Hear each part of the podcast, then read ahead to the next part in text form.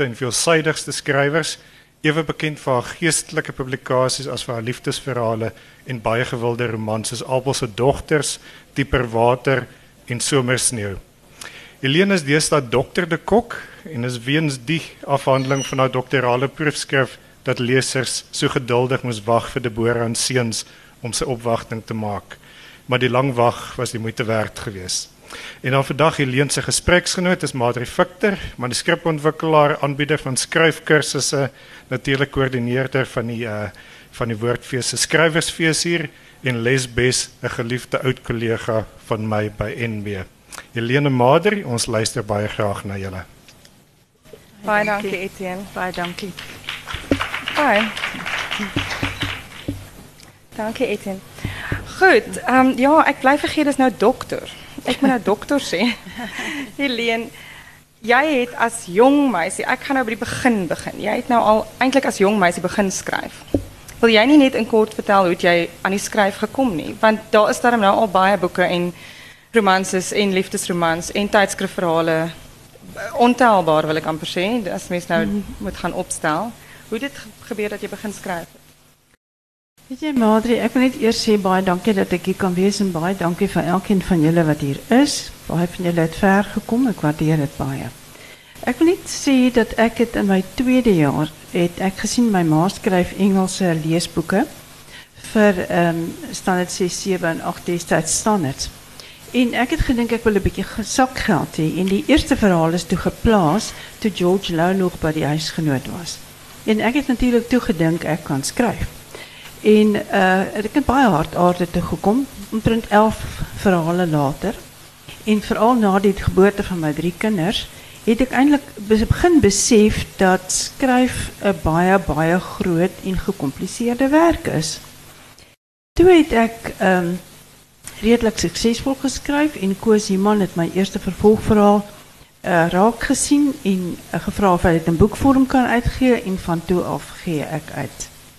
So dit is groot genade en baie baie harde werk. Inderdaad, harde werk, ja, ek weet. Ehm so ons praat vandag oor Deborah en seuns. Ek dink dit is dit het maar nou verskyn en is pas pas pas op die rak. Ja. So ek weet almal van julle gaan dit nog nie gelees en nie. So wil jy nie in kort vertel waaroor die storie gaan nie en dan vat ons dit van daar af. Ja. Die ehm dit het, is eintlik dit speel in die Tweede Wêreldoorlog af in beide Bethlehem en Londen. En uh, ook in Berkshire, 'n stukkie van Berkshire. En dit gaan oor 'n vrou en haar invalide man en hulle drie wat op Bethlehem opgedaag het, eenvoudig uit die nag uit. En, en mense kon nie eintlik vat kry aan hulle nie, want hulle het hulle eie gang gegaan. En Deborah het 'n uh, uh, gebak 'n winkel begin wat ons vandag 'n deli noem wat nou toe nie uh, so genoem is nie. En dit het 'n groot sukses geword. Maar hierdie verhaal word gesien vanuit Margot Scott, die buurdogter wat met al drie die seuns bevriend is en ook 'n wonderlike verhouding met die vrou en ook haar invalide man opbou. En die hele verhaal is vanuit Margot Scott se siening. Uiteindelik breek die Tweede Wêreldoorlog uit en hulle lewens word versketter. Ek weet nie of daar so 'n woord is nie, maar dit klink my vreeslik lekker woord. In elk geval, dit maak dat sy moet kies om agter die liefde aan te gaan, die Tweede Wêreldoorlog in en dit kan haar lewe kos. Nou is almal lus om die boek te lees, né? julle kan hom hier na gaan koop. Sy gaan hom teken vir julle. Ehm dit is dit is 'n ongelooflike storie en ek het dit verskriklik geniet. En ek wonder altyd waar skrywers aan so 'n storie kom. Wat was die eerste prikkeling amper daarvoor? Waar ontstaan dit? En Madri, die stimulus, uh, dis die, dis die geleerde woord sê ek nou maar. So is gewo gewoond om te, die woord stimulus of impetus te gebruik. Die stimulus vir hierdie verhaal was die feit dat um, ek en my gesin, weens my man se werk as landbouwetenskaplike, is rot en haar verplaas in die ou dae, in die apartheidsdae. En ons moes maar eenvoudig gaan, jy's dan ontwortel en dan hier geplaas vir 5, 6 jaar en dan weer daar geplaas vir 5, 6 jaar en dit het by my opgekom Dit moet nogal interessant wees as jy op 'n klein dorp aankom en hier kom hierdie gesin aan en hulle moet nou maar daar 'n lewe maak. En dit vat nogal lank. Maar so het ek wonderlike vriendskappe opgebou op hierdie kleiner dorpies waar ek gewoon het. En ek dink dit het het aanvanklik die stimulus ehm en toe moes ek 'n tydperk soek. 'n 'n 'n 'n era waarin dit afspeel. En dit het net by my opgekom dat die Tweede Wêreldoorlog vir my baie interessant is. En ek het net uh, toe ek nou begin groot word het, het ek ook in daai ehm area begin beweeg. Ek het nie net daar gewoon vir 9 jaar uh, 9 jaar lank in die Oos-Vrystaat nie. Ek het ook van kindsbeen af daar gekom. So dit het so 'n klomp faktore wat ja. saamgewerk het. Ja. Ons gaan oor die ruimte praat want dit is belangrik. Ons gaan nou nou daarby uitkom mm -hmm. en oor die navorsing en alles. Um ja. wat ek eers wil vra is ek wonder gewoonlik um met so 'n tipe storie want daar's soveel navorsing en soveel goed wat daarin gebeur. Waar begin jy as jy met 'n storie begin? Ek weet van skrywers wat eers besluit waar dit moet afspeel en dan navorsing doen oor die gebied en daaruit kom 'n storie. Ek weet van iemand anders wat weer daarvan weet hou om om op te lees oor sielkunde. So 'n sekere toestand of 'n sekere iets in die sielkunde sal haar prikkel en dan maak sy 'n storie half omdat sy daaroor wil praat of daaroor wil skryf. Ander begin by karakters of of die die gebeure. Ja. Begin jou stories dieselfde? Het jy dieselfde weg, wegspringplek amper? Weet jy Madre, ek dink verskillende verhale het verskillende stimuli. Ek sal hier net 'n voorbeeld noem, Dieper Water. Weet uh, dit is ook 'n historiese roman. Het ek geskryf met die idee dat julle moet nou mooi luister, my generasie. Ek is tydens die Tweede Wêreldoorlog gebore. En ons generasie het vreeslik baie vorme van tydgees belewe. Met ander woorde, die postkoloniale, die postmoderne en ook nou die postpostmoderne of die rekonstruktivisme wat weer 'n terugkeer na ou waardes is. En ons moes eenvoudig aanpas of ondergaan. Nou is lede van my generasie wat nog nie met 'n rekenaar kan werk nie. Ek kan nie sonder een klaarkom nie. Ek nie wat ek weet nie wat ek ooit gedoen sonder my tablet of my selfoon of my rekenaar. En daardie idee van 'n generasie wat drie forme van tydgees hmm. beleef het, was die stimulus vir dieper water. Hmm. Vir somersneeu was dit 'n titel, 'n titel wat ek eers vir 'n novelle gebruik het in die Sari en daai titel het by my besteek vir iets wat ontydig is. Nou in die Oos-Vrystaat is dit niks snaaks om op Kersoggend ryp te kry by gras nie. Ek sien uh, uh, Karin uh, Kutsie, ek weet nie wat coach is nou hier so, sy kom ook van Bethlehem af en sy sal vir julle kan sê die die weer daar kan baie ontydig wees. Net so ontydig soos wat dinge kan gebeur in die lewe wat jy nie kan voorsien nie. Dinge wat eintlik nie nou moet gebeur nie, gebeur nou of dan. So dit was die stimulus toe. En met Deborah en seuns natuurlik nou die die opdaag van 'n gesin op 'n dorp. Ja, ja. Ja. Okay, ek wil praat oor karakters. Um want al die karakters in in jou boeke word vinnig, baie vinnig eg. Um die leser begin onmiddellik uh, lees en dit voel vir jou dis dis herkenbare mense. Dis iemand wat jy wat jy amper herken. In die begin van die verhaal gaan Margot saam met haar ma Susan oorkant na Deborah se huis of die huis waarin hulle dan nou gaan intrek en hulle kyk na die foto's. En dan dan sê haar ma vir Margot oor een van die foto's met Deborah en die drie seuns as kleintjies. Ehm um, sy praat van daardie skaars kwaliteit wat sommige foto's het. Dit kneus 'n mens se gemoed. Dit is byna of daar 'n gaatjie in is waardeur mens kan loer. Dis net dat mens weer en nog 'n keer daarna wil kyk en sien wat nie gesien kan word nie. En ek het gedink dis 'n baie raak opskrywing, ag, omskrywing ook vir jou karakters, want 'n mens 'n mens wil weer en weer van hulle lees en weer en weer kyk, maar jy sien ook goed wat jy nooit skryf nie. Jy sien goed in hulle wat nooit vir jou gesê word nie. Jy weet iets wat jy nooit neerskryf nie. So jy lees tussen die lyne, dit die karakter word so op Hoe doen 'n mens dit? Hoe kry jy dit reg dat jou karakter so word. Jy weet dat dat mense goed van hulle weet wat jy eintlik nie skryf nie, maar jy weet dit. Jy dit, ja. Weet je, dit is nogal een moeilijke vraag om te beantwoorden. En daai ding wat jy nou net beskryf het van die foto's, 'n foto het punctum. Dit is daai 'n Latyns woord wat beteken daardie spesiale iets wat maak dat jy nog wil kyk, dat jy nader wil buig, dat jy in daai gaatjie wil inloer en nog meer wil sien. Nou dis vir my regtig nogal moeilik om dit te doen. Karakterisering is vir my besonder moeilik.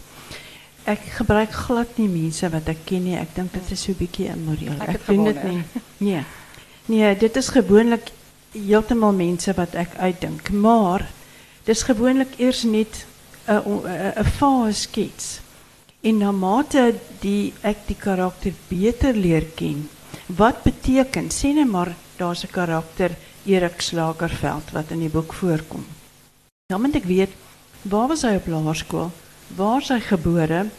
Wie was sy voorouers? Al gebruik ek dit nooit in die boek nie. Ek moet daai persoon ken. Ek moet weet presies hoe hy is.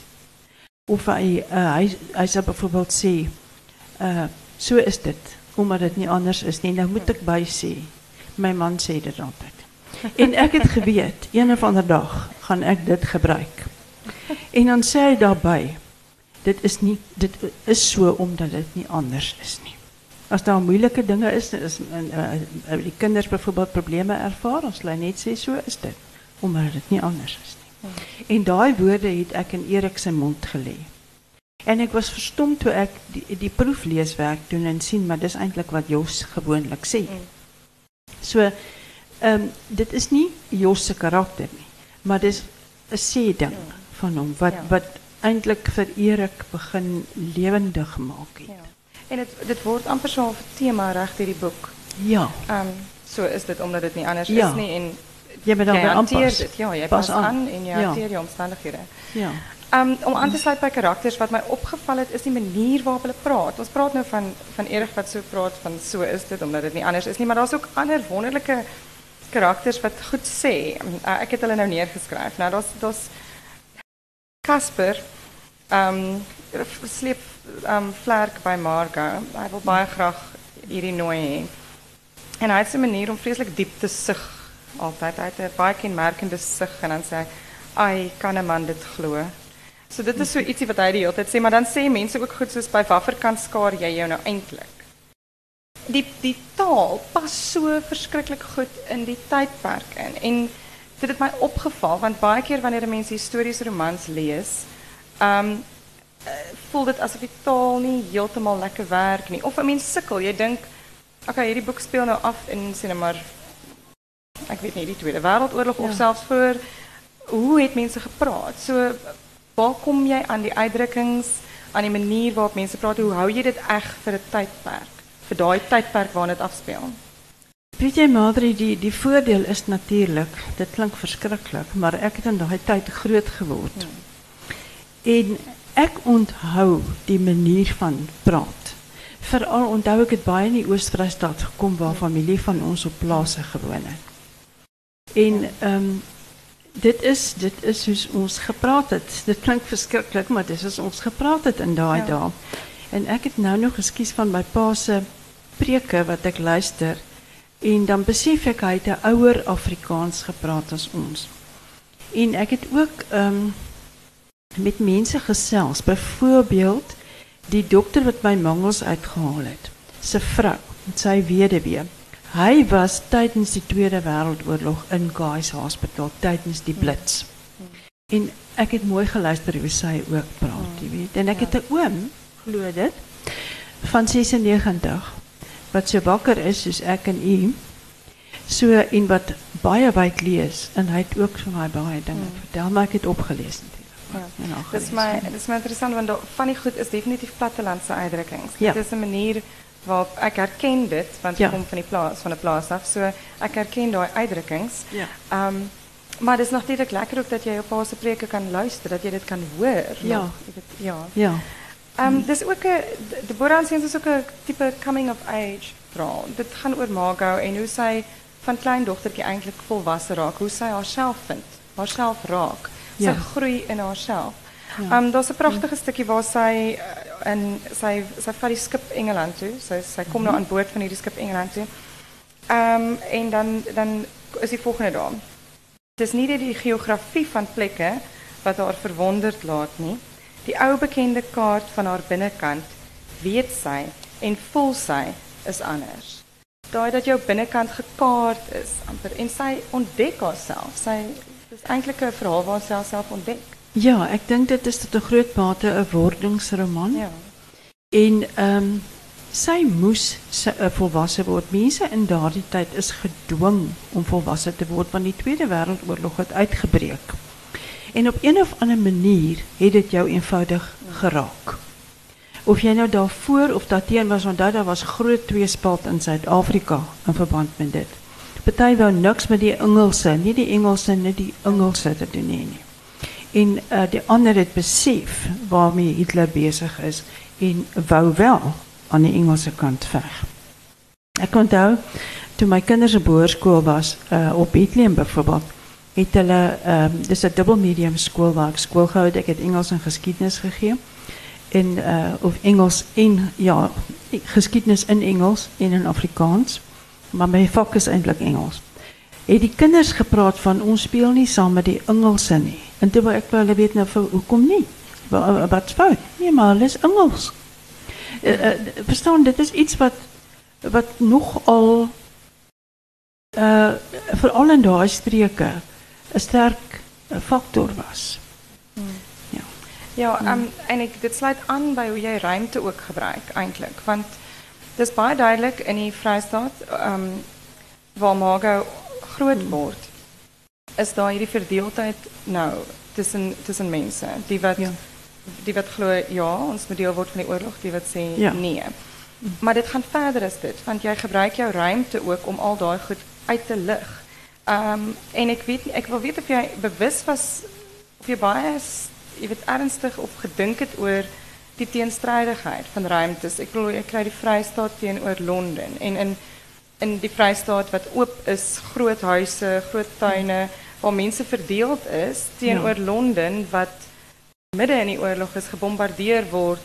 Klein huisies het bomskuilings het en mense baie verenigd is. En die Ja. ruimtes was my dit het my opgeval um, dat so s- sterk teen mekaar staan. Weet jy, dit is iets wat ek nie so beplan het nie. Ek die storie, ek ek's bly jy lig dit uit. Dit is nou vir my ook nogal verbasend dat jy ek het dit nie so geskryf nie. Of ek het dit nie so bes, uh, bewustelik Ja. geskryf nie. Dit was bloot 'n kwessie van hierdie groot ooptes waaraan ons gewoond is, die Tweede Wêreldoorlog wat uitbreek en alles vir altyd verander het. Uh so uh, en ook Engeland en wat uh, jy weet die die, die omstandighede verskil. Die groot um, die baie kos. Mense vra van my waarom skryf ek oor kos in in stories. Mense regtig waar koskultuur is deel van ons kultuur, van enige kultuur. Kyk hoe baie word daar nou oor kos geskryf. Uh, dit, uh, dit is bijvoorbeeld ook deel van die ruimte. Dit beeld die uh, ruimte baie goed uit, Ja, jy, denk ik. jy het nou jou doktersgraad en jou M as ek reg Ja. is jou meestersgraad oor ruimte gedoen. En jy doen verskriklik baie daarmee. Dit word nie net blote beskrywing van so lyk dit nie. Jy doen meer daarmee. Jy gebruik dit ook baie keer as 'n simbool. Jy weet, soos byvoorbeeld, ehm um, wanneer hulle gaan na die op die ou kers kersaand of oujaarsaand, ja. oujaarsaand gaan hulle na 'n plaas toe en Ja. en die ruimte Ja. daar word word simbolies ingespan. Jy weet eintlik vir nuwe hoop, daai verwagting. Ja. Hulle bly nie by die huis nie. Hulle gaan byvoorbeeld na 'n grot toe. Ehm en hulle kamp almal daar uit. Ja. Al die al die mense wat genooi word, al die Ja, belangrike ja. mense wat dieselfde gesindheid het, Ja. um, gaan Die- kamp daar en Die hulle wag smutsmense het die Ja. stad. en hulle wag hierdie nuwe jaar in. Ja. Ehm maar op 'n byna neutrale ruimte, ruimte nie by die huis nie. Ja. Iewers wat wat uitgesit word net daarvoor. Dis al wanneer ons daarvan lees is elke einde van die jaar is hierdie groot uitkamp. daar. Ja. Ek wil niet noemen, ek wil twee goed noemen. Uh, ek het werkelijk daardie oujaarsaande en my kinders ook en uh, ek is seker Karin ook uh, Septimus de Klerkele se plaas wat 'n holkrans het waar daar 100 enkelbeddens kan instaan.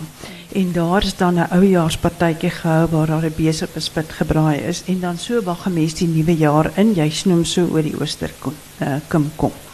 Nou dit is 'n wonderlike instelling. En dan in die eerste plek, ek het my M gedoen oor tydgees of werklikheidsbeeld, hoe jy watter beeld jy van die werklikheid het. En dan uh, die skep van werklikheidsbeeld in 'n roman. Ek het nou 'n wetenskaplike artikel in Literator ook daaroor vir die wat julle uh, wat belangstel. My doktorsgraad het ek gedoen. Die titel was Die skep van ruimtelike dinamika in 'n roman. Nou ek wil graag net eers daarby uitkom voordat ek by jou vraag uitkom. Ruimte bestaan nie net uit 'n konkrete huis nie. Stel 'n bietjie voor, ek het nou onlangs so 2, 3 jaar gelede in 'n nuwe plek ingetrek. Jy stap daarin en dis skielik nie meer bakstene in 'n dak nie. Jy voel ontheem. Daar's 'n mate van vervreemding. Maar daar's ook verwagting en afwagting.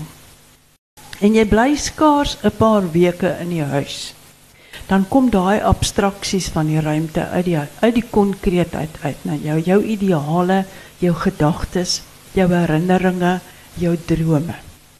Dis alles abstraksies van ruimte, ook identiteit, ook kultuur, die manier waarop jy lewe, waar 'n uh, groep mense lewe. En dan uh, hibriditeit, liminaliteit en godsdienst, die manier waarop dit beoefen word of die gebrek daaraan. En ook ehm um, die mense siege wat jou hele ruimte waarin jy leef en ervaar omsluit. Nou daardie ruimtes het ek gebruik en alhoewel ek nie regtig besef het dat dit simbolies sal raak nie, het ek dit nogtans gebruik ook die bomskuilings waar daar geweldig baie dinge in gebeur. Uh is deel van die ruimte en die kos wat die gebrek aan kos in Londen die absolute gebrek aan kos en dan die die volop kos in in Suid-Afrika is die uh, twee ruimtes wat ek probeer uh, skep. So wat ja. is jou eintlike vraag? Het ek geantwoord? Ja, want ek het alweer 'n volgende een. Ek is bly jy noem die bomskuilings want ja. ek dink nie die Tweede Wêreldoorlog het al ooit vir my so eg geraak of so werklik geraak soos met die lees van hierdie boek nie. Um baie dankie ons het geschiedenis op school en al en je leert die feiten. En baie keer met die historische romans krijg je so baie feite, daar's so baie inligting in. Um, maar hierdie voel dit jy's in dit, jy's binne in dit ten spyte van 'n magt om feite en dit moet moeilik wees om om met soveel feite te werk en dit so naadloos te verweef in 'n storie sodat die leser nie agterkom ek is besig om feite te lees oor verskillende bomskuilings. Daar is die Anderson en die Morrison wat later binnenshuis gebou is en jy kom eintlik na die tyd eers agter maar jy het 'n klomp goed geleer, jy het 'n klomp feite gekry. Dit hoe hoe doen 'n mens dit? Hoe voorkom jy dat dat jy die leser bombardeer ek man um, met feite en ja. jy weet hoe, hoe voorkom jy dat dat dit feitelik raak in plaas van storie? Dis 'n uh, 'n baie baie gecompliceerde, baie moeilike uh manier van doen.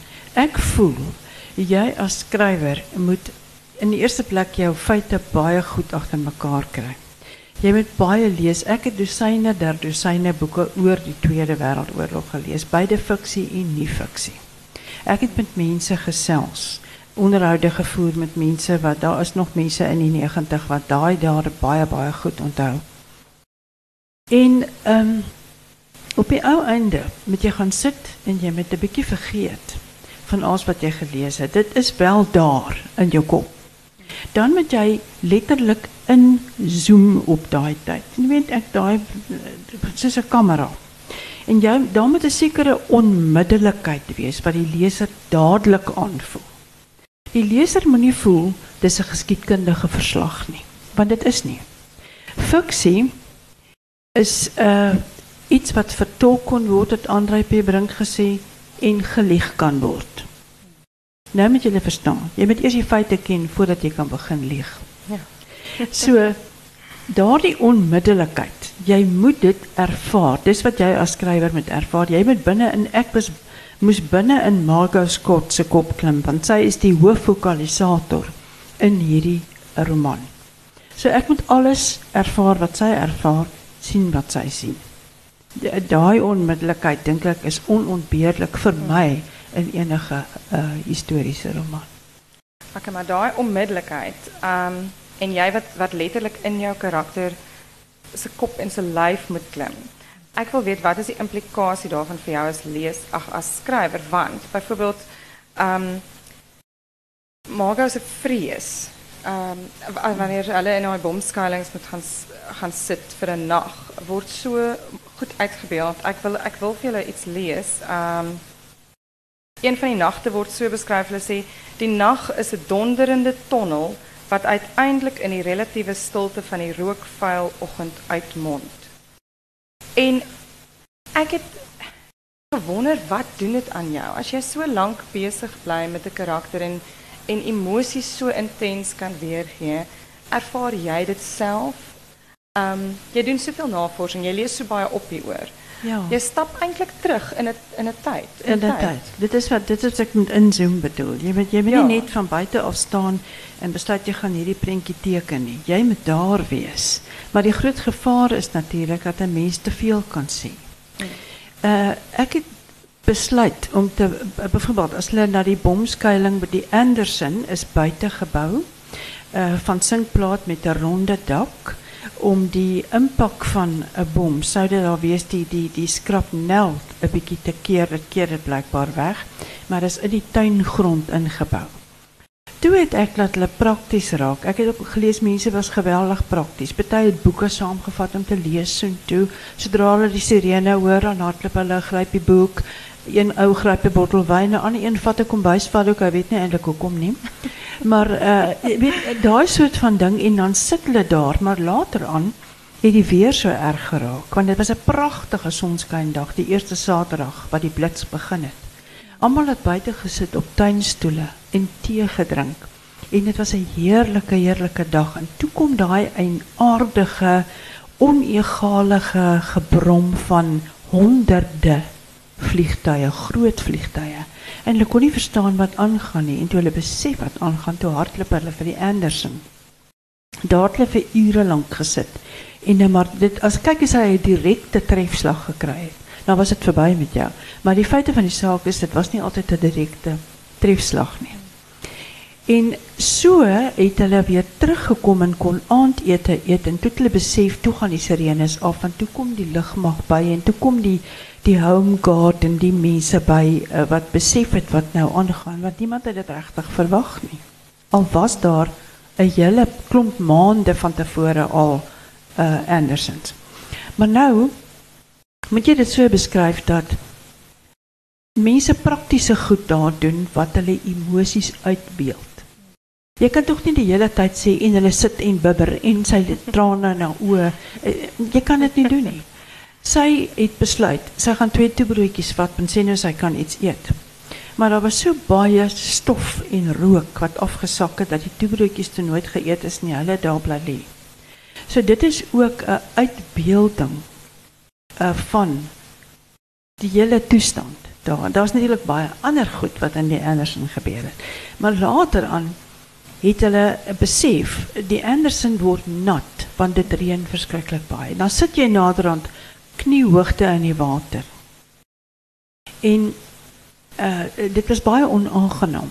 Toe het die regering besluit om die Morrison te bou. Dis 'n tafel met 'n staalblad en sulke um, gaaskante om die skrapnel te keer en dan kruip die hele familie met hulle matrasse en alles onder die matrasse bly daar. Bedags eet hulle bo op En uh, wanneer die sirene ook al afgaan, dan kruip hulle gou almal daarin en bly vir ure daar ure daar. Direkte trefslag sal dit nie voorhelp nie, maar dit het vir meeste, want dit kan jou buurman tref en dan tref dit jou nie so erg nie. sien uh, ja. Dit is dit is eintlik regtig dit was met die lees daarvan het ek besef dit was 'n verskriklike tyd. Ja, dit was. En ja.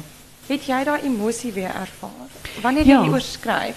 ervaar jy daai emosie en wat maak jy daarmee wanneer jy jou rekenaar toemaak of afsit? Nee, ek is een baie gelukkige mens. Ek is regtig ehm um, as ek hom toemaak as hy toe.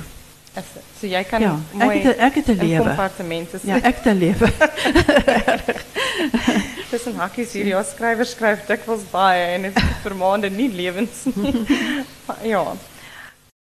iets wat vir my regtig opmerklik was in hierdie boek is of opvallend was, is dat jy nie regtig skryf oor die vervolging van die Jode nie. Terwyl soveel romans wat oor die Tweede Wêreldoorlog handel, handel daaroor. Dit is Ja. die aspek wat uitgelig word. Dit Ja. is waaroor die meeste daarvan gaan. Ja. Ek dink daar's een verwysing in die boek daarna. Daar's daar's Ja. een keer wat ehm iemand vir die vrou saam met wie Margot op die boot is sê Ja. van die jy weet hulle Ja. daar's gerugte. Ja. Jy weet hulle hoor nou mense word word gevang of Ja. nou jy weet agtervolg of gevolg. Ehm was dit 'n doelbewuste besluit om dit nie te skryf nie? Nie soseer 'n doelbewuste besluit nie. Jy moet een ding goed onthou, dit is van die hoofvokalisator Margot Scott, die buurdogter van hierdie Deborah Slagerveld en haar drie seuns, se oogpunt geskryf. Dit wat sy nie meer in aanraking gekom het nie, het nie gefigureer in die boek nie. Sy het wel geweet daarvan, maar sy eh, die die Jode met wie sy te doen gekry het was nie in daai omstandighede nie. Die een was in Londen en die ander uh, uh, mense waarvan uh, daar was daar's heel wat Jode wat ek baie goed ken in uh, Bethlehem en hulle is nie so vervolg nie. Verstaan dit is was in Suid-Afrika en in Londen waarheen die vervolgde Jode soms gevlug het. So dit is nie dit was nie toe ter sprake nie en dit was nie haar ervaring nie. Dis net wat Margot Scott het. Dwars deur die boek. Ek wil 'n opmerking hier maak want ek dink dit wys ook jou sensitiwiteit as as skrywer. Dis 'n dis 'n dis 'n baie mooi voorbeeld daarvan want 'n mens sou baie maklik so 'n karakter kon inskryf. Natuurlik vir die kom ons sê dan sensasionele waarde daarvan. Jy weet, Ja. ja. dis dadelik iets wat lesers se aandag trek. Jy kan vreeslik baie daarmee maak. Ehm maar jy het nie en ek dink dit is ja, dit is, En weet jy daar was reeds 4 of 5 storielyne. Want dit is nie net een liefdesverhaal ja. om nog 'n storielyn in te sit want daai persoon sou dan groter en groter Natuurlik. sou moes figureer. So ek moes daai besluit neem. Dit is nie regtig nodig nie Ja. vir hierdie spesifieke roman nie. Ja. Weet.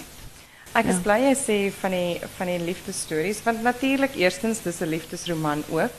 Ehm Ja. en liefde speel 'n belangrike rol in ons almal se lewens elke dag. Ja. Ehm so eintlik is fiksie oor liefde baie baie daarvan meestal. Ja. Fiksie beteken een ding. Dit moes die waarheid kon gewees het. Met ander woorde, ek verdraai nie die feite as ek 'n ekstra vliegtyg laat afskiet nie. Verstaan, dit kon gewees het. En die waarheid ehm um, dit nou fiksie en waarheid beweeg baie na aan mekaar. En mens moet dit in gedagte hou, maar fiksie het hoofsaaklik te doen met verbeelding. En verbeelding het baie min met feetjies en fantasie te doen. Verbeelding het te doen met die volgende. Ek dink altyd aan die tweede gebod, jy moet jou naaste lief hê soos jouself. Daardie soos jouself is wat jy met jou karakters moet doen. Jy moet letterlik in iemand anders se skoene staan. Dis wat van 'n mens verwag word. Maar 'n skrywer veral, daardie verbeelding, jy moet verbeelding aan die dag lê. al- skryf jy nooit 'n boek nie. As jy wil verstaan hoe iemand anders voel, moet jy in sy skoene klim. So dit is waaroor fiksie gaan. Ja.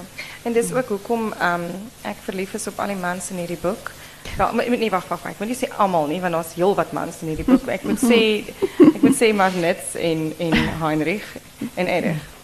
Daai drie is dan maar baie oulik. Ehm regtig waar. Ehm ek het gedink dis moeilik. Dis eintlik moeilik om oor die liefde te skryf.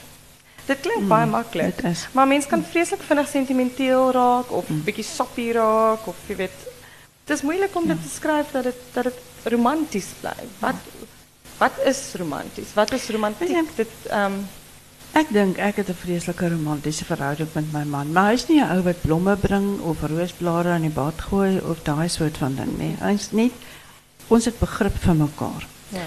Uh, ons verstaan mekaar en ons maak tyd vir mekaar om en ek dink dit is vir my romanse en dit moet eg wees. Ek, iets wat nie eg is nie, gaan nooit tot 'n leser spreek nie. Lesers is nie dom nie. Regtig Ja. waar nie. Lesers is hoogs intellektueel en slim. Dis hoekom hulle lesers is.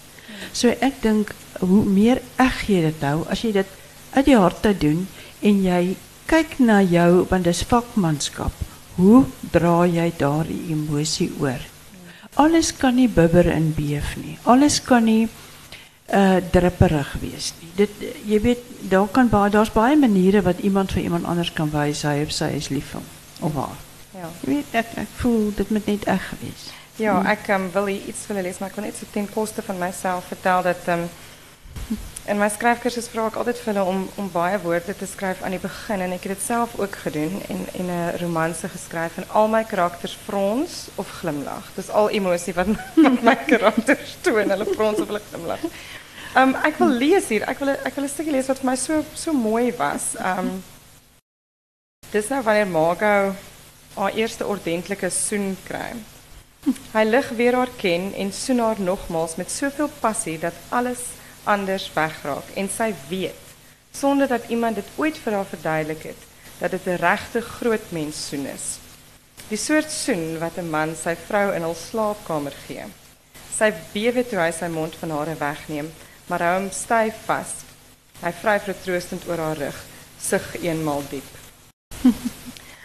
um ek ek ek het 'n vreeslike Toe ek het gelees, het 'n vreeslike terughinkering gehad na hierdie tyd, want dit klink dit dit voel vir my so romanties. Daar's 'n courtship, daar's 'n daar's 'n tydperk wat jy weet wat Ja. mense mekaar ordentlik leer ken, maar daar's ook respek en en dit jou jou vroue karakters is almal baie sterk karakters. Ehm hulle laat hulle nie nie. voorsê deur die mans nie, glad nie. En daar's vir my balans, daar's vir my 'n balans binne verhoudings, tussen binne die verhoudings wat jy skep tussen 'n man en 'n vrou. En ek dink dis 'n vreeslike ek romantiese sien jy dit as 'n romantiese tyd? sien jy Weet jy, ja. jy ons ons leef te vinnig, ons is ons verhoudings gaan te vinnig? Ek, Ja, ek dink nie dit was 'n uh, 'n makliker tyd as nou nie. Dit was 'n moeilike tyd. Ons was almal brandarm na die oorlog. Ek beloof julle brandarm. Tye het begin verbeter hier in die 50er jare. En ehm was 'n stadiger pas. Eenvoudig 'n stadiger pas. Uh as vandag. En ek dink hierdie 'n hele kitsmentaliteit is iets waarteen ek baie sterk in opstand kom. En ek vind dit maar in myself ook is nie asof ek nou so uh nie daaraan lei nie. Ek goed daaraan as ek iets sien wil ek dit hê. En ek dink daai ding, ek wil dit graag uitbring in daai uh, periode. Dit was 'n ander tydgees. Die postmodernisme van alles is maar oukei okay, en alles is vloeibaar en veranderlik was nog nie toe nie. Dit was nie toe nie. Dinge was redelik so en Ja, was en so. ja. Daar was reëls. En ek weet nie of dit altyd 'n slegte ding is nie. Ek dink ehm um, dit was natuurlik daar was natuurlik te erg dinge wat te erg was, heeltemal te erg, maar ehm um, ja, dit is 'n dit was 'n romantischer periode, maar ook 'n bitter moeilike periode. Ja. Ja. Deborah begin in hierdie tyd in omdat dit so moeilik is omdat omdat sy kom daar aan met drie seuns. Um, Ja. Sy moet oorleef, sy begin Het invalide man. begin bak. Mens kan nie 'n gesprek oor hierdie boek voer sonder om te praat oor oor die kos nie. Ek is seker daarvan in die week wat ek besig was met hierdie boek en die voorbereiding vir die gesprek en so aan het ek vele kilos opgetel. Want elke keer word dit beskryf van hierdie brood of beskuit wat Deborah hulle bak en wonderlike goed wat in die kombuis gebeur en dan trap dan loop gou af kombuis en maak my broodjie. Is ek so teleurgesteld maar ek maak later weer 'n broodjie want eh, mense raak so lus vir brood en beskuit. Um hoor hierso een van die kliënte in hierdie piepklein winkeltjie wat letterlik Ja. tussen twee ander ingedruk word sê sy sê mens kan nie anders om te koop nie. Sy sê mens kan nie anders nie. Jy ruik die vanilla, proe die botter en suiker en hoor die smil lekker krakerigheid onder jou tande. Bak jouself. En dis daar waar ek baie navorsing moes doen. My dogter is die een wat die beter beter bakster is, maar as ek eenmal in 'n dekade bak is dit baie. Ek moes regtig navorsing doen, maar gelukkig ek het 'n wonderlike skoonma gehad wat fantasties kon bak. En ook uh, my man se ouma kon wonderlik bak en my ma kon nogal redelik pak. So ek het ek maar ek het regtig navorsing gedoen. Ek het mense gevra. En en natuurlik ek het in die Oos-Vrystaat uh, gewoon. Daai mense kan stylvol kos nie uh, voorsit net soos die Kaapenaars. Dit is Ja. dit nie ek moes navorsing En kyk, hulle het baie gebak daar. Dit het, het hulle Ja. het dit uitgereig. doen. Ja, regtig. maar dit is is dit gebeur. een baksel uitkom, gaan die ander een in. Ja. Ek is nou baie spyt daaroor want ek het nou gewag vir Deborah se se se resepteboek hierso. Sjoe. Want daar's ook wonderlike um, resepte in vir seep en vir roos roosknoppe. Ja, dit ek Wat- nogal opgelees vir dieper water ook. Vertel Eh, hierdie. s- weet jy, ja, ek sal nou weer baie mooi met dink, maar wat jy alles nodig het en ek gaan nou jok as ek moet sê, maar hulle het roosblare ingegooi. Dit het ek in Frankryk en in die van Frankryk gesien. Dat hulle varkvet uit, uh, jy weet spierwit varkvet, ek, hy kook natuurlik baie mooi wit uit. En dan roosblare daarop gooi, dan trek jy geur daarin en dan kondenseer hulle dit sodat net die geur sal olie agterbly. agterbly. Ja. Maar daar's daar's ook 'n ding waar ehm um, sê die die knoppe, die roosknop as al die blare af is, Ja, bevat baie feit. Vitamiene C. Ja. Mense het dit geëet. Net so. Daar was nie so iets as vitamiene nie. Daar was nie. Dit was maar 'n begin. Iemand het dit ontdek, jy weet dat vitamiene, want hulle gesels nie kom prys daar daaroor hierdie ding van vitamiene, dink julle dis alraai om te eet, jy weet en so aan. Dis sê hulle ja, hulle vind uit dat die, uh, die knop wat van 'n roos oorbly, weet daai droë knop sonder die blare, is propvol vitamiene. Vit, veral Vitamiin C en hulle het dit in pakkies verkoop later aan daar.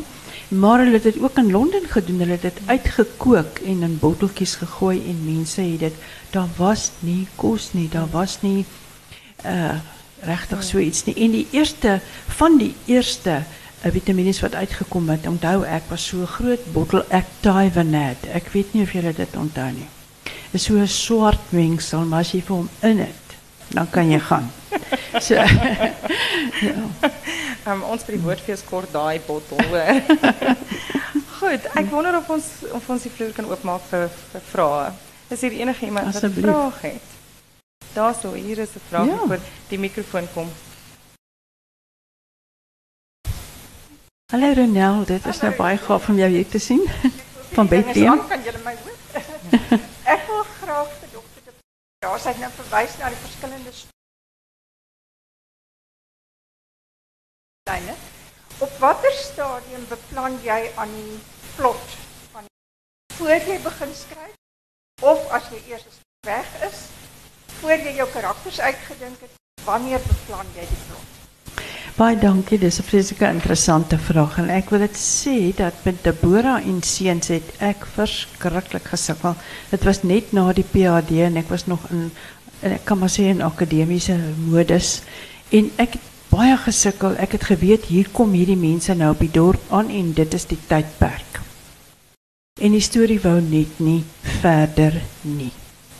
En toe het ek besef dat met hierdie spesifieke storie want dit verskil van storie tot storie, sal ek 'n redelike raamwerk moet uitwerk. Ek sal 'n verandering van ruimte moet hê. Ek het gedink dit gaan net in Bethlehem afspeel en dit gaan net oor die liefdesverhale van hierdie drie seuns gaan en Margoskat.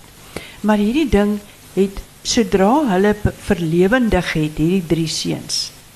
Uh dis Marnitz, Heinrich en Erik Slagerveld en hulle geheim waarom hulle pa uh, in in Belide is.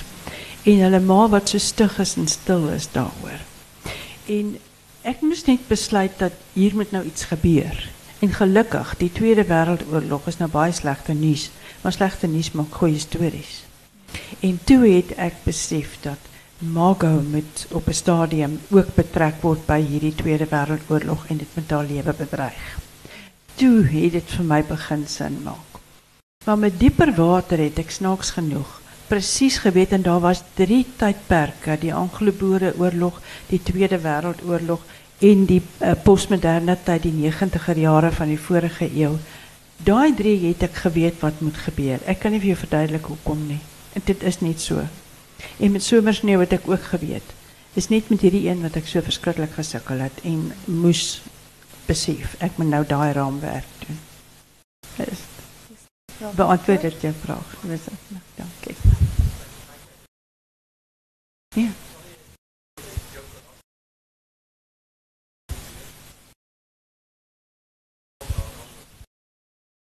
Maar dit is net so 'n interessante vraag. 'n Mens het eh, jy kan 'n raamwerk. Ag, ek het meestal die raamwerk in my kop. Ek hou nie daarvan om dit neer te skryf nie. Dit moet daar wees sodat dit soepel bly. Maar sodra daai karakter verlewendig, want dis die groot ding, dis wat Madre Nita van gepraat het. Daai karakter moet regtig 'n mens word in my kop. Hy moet bestaan. En as hy begin sy eie dinge doen, kan daai raamwerk daai plot anders raak. Hy het 'n invloed op die plot. Maar jy weet hierdie goed is als mens praat apart daarvan. Mens praat van ruimte wat bestaan uit konkrete ruimte, abstrakte ruimte, kultuur, identiteit, hybriditeit en so meer en so meer. Maar al daai goed, niks is geskei nie. Alles werk so in een. So as daai karakter besluit hy tree anders op en ek dink dit is goed genoeg, dan verander hy die plot.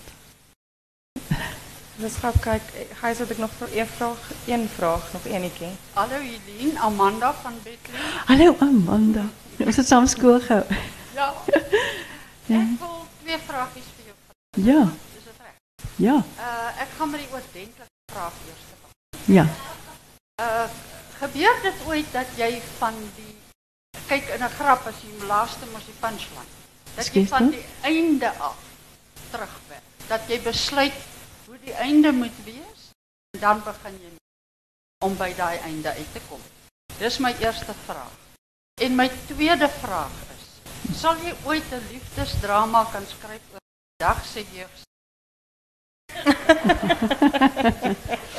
Ja, Amanda, dat ek die laaste vraag eers te beantwoord. Ek het al oor vandag se jeug geskryf. Uh, Somersneeu was tot 'n groot mate oor vandag se jeug.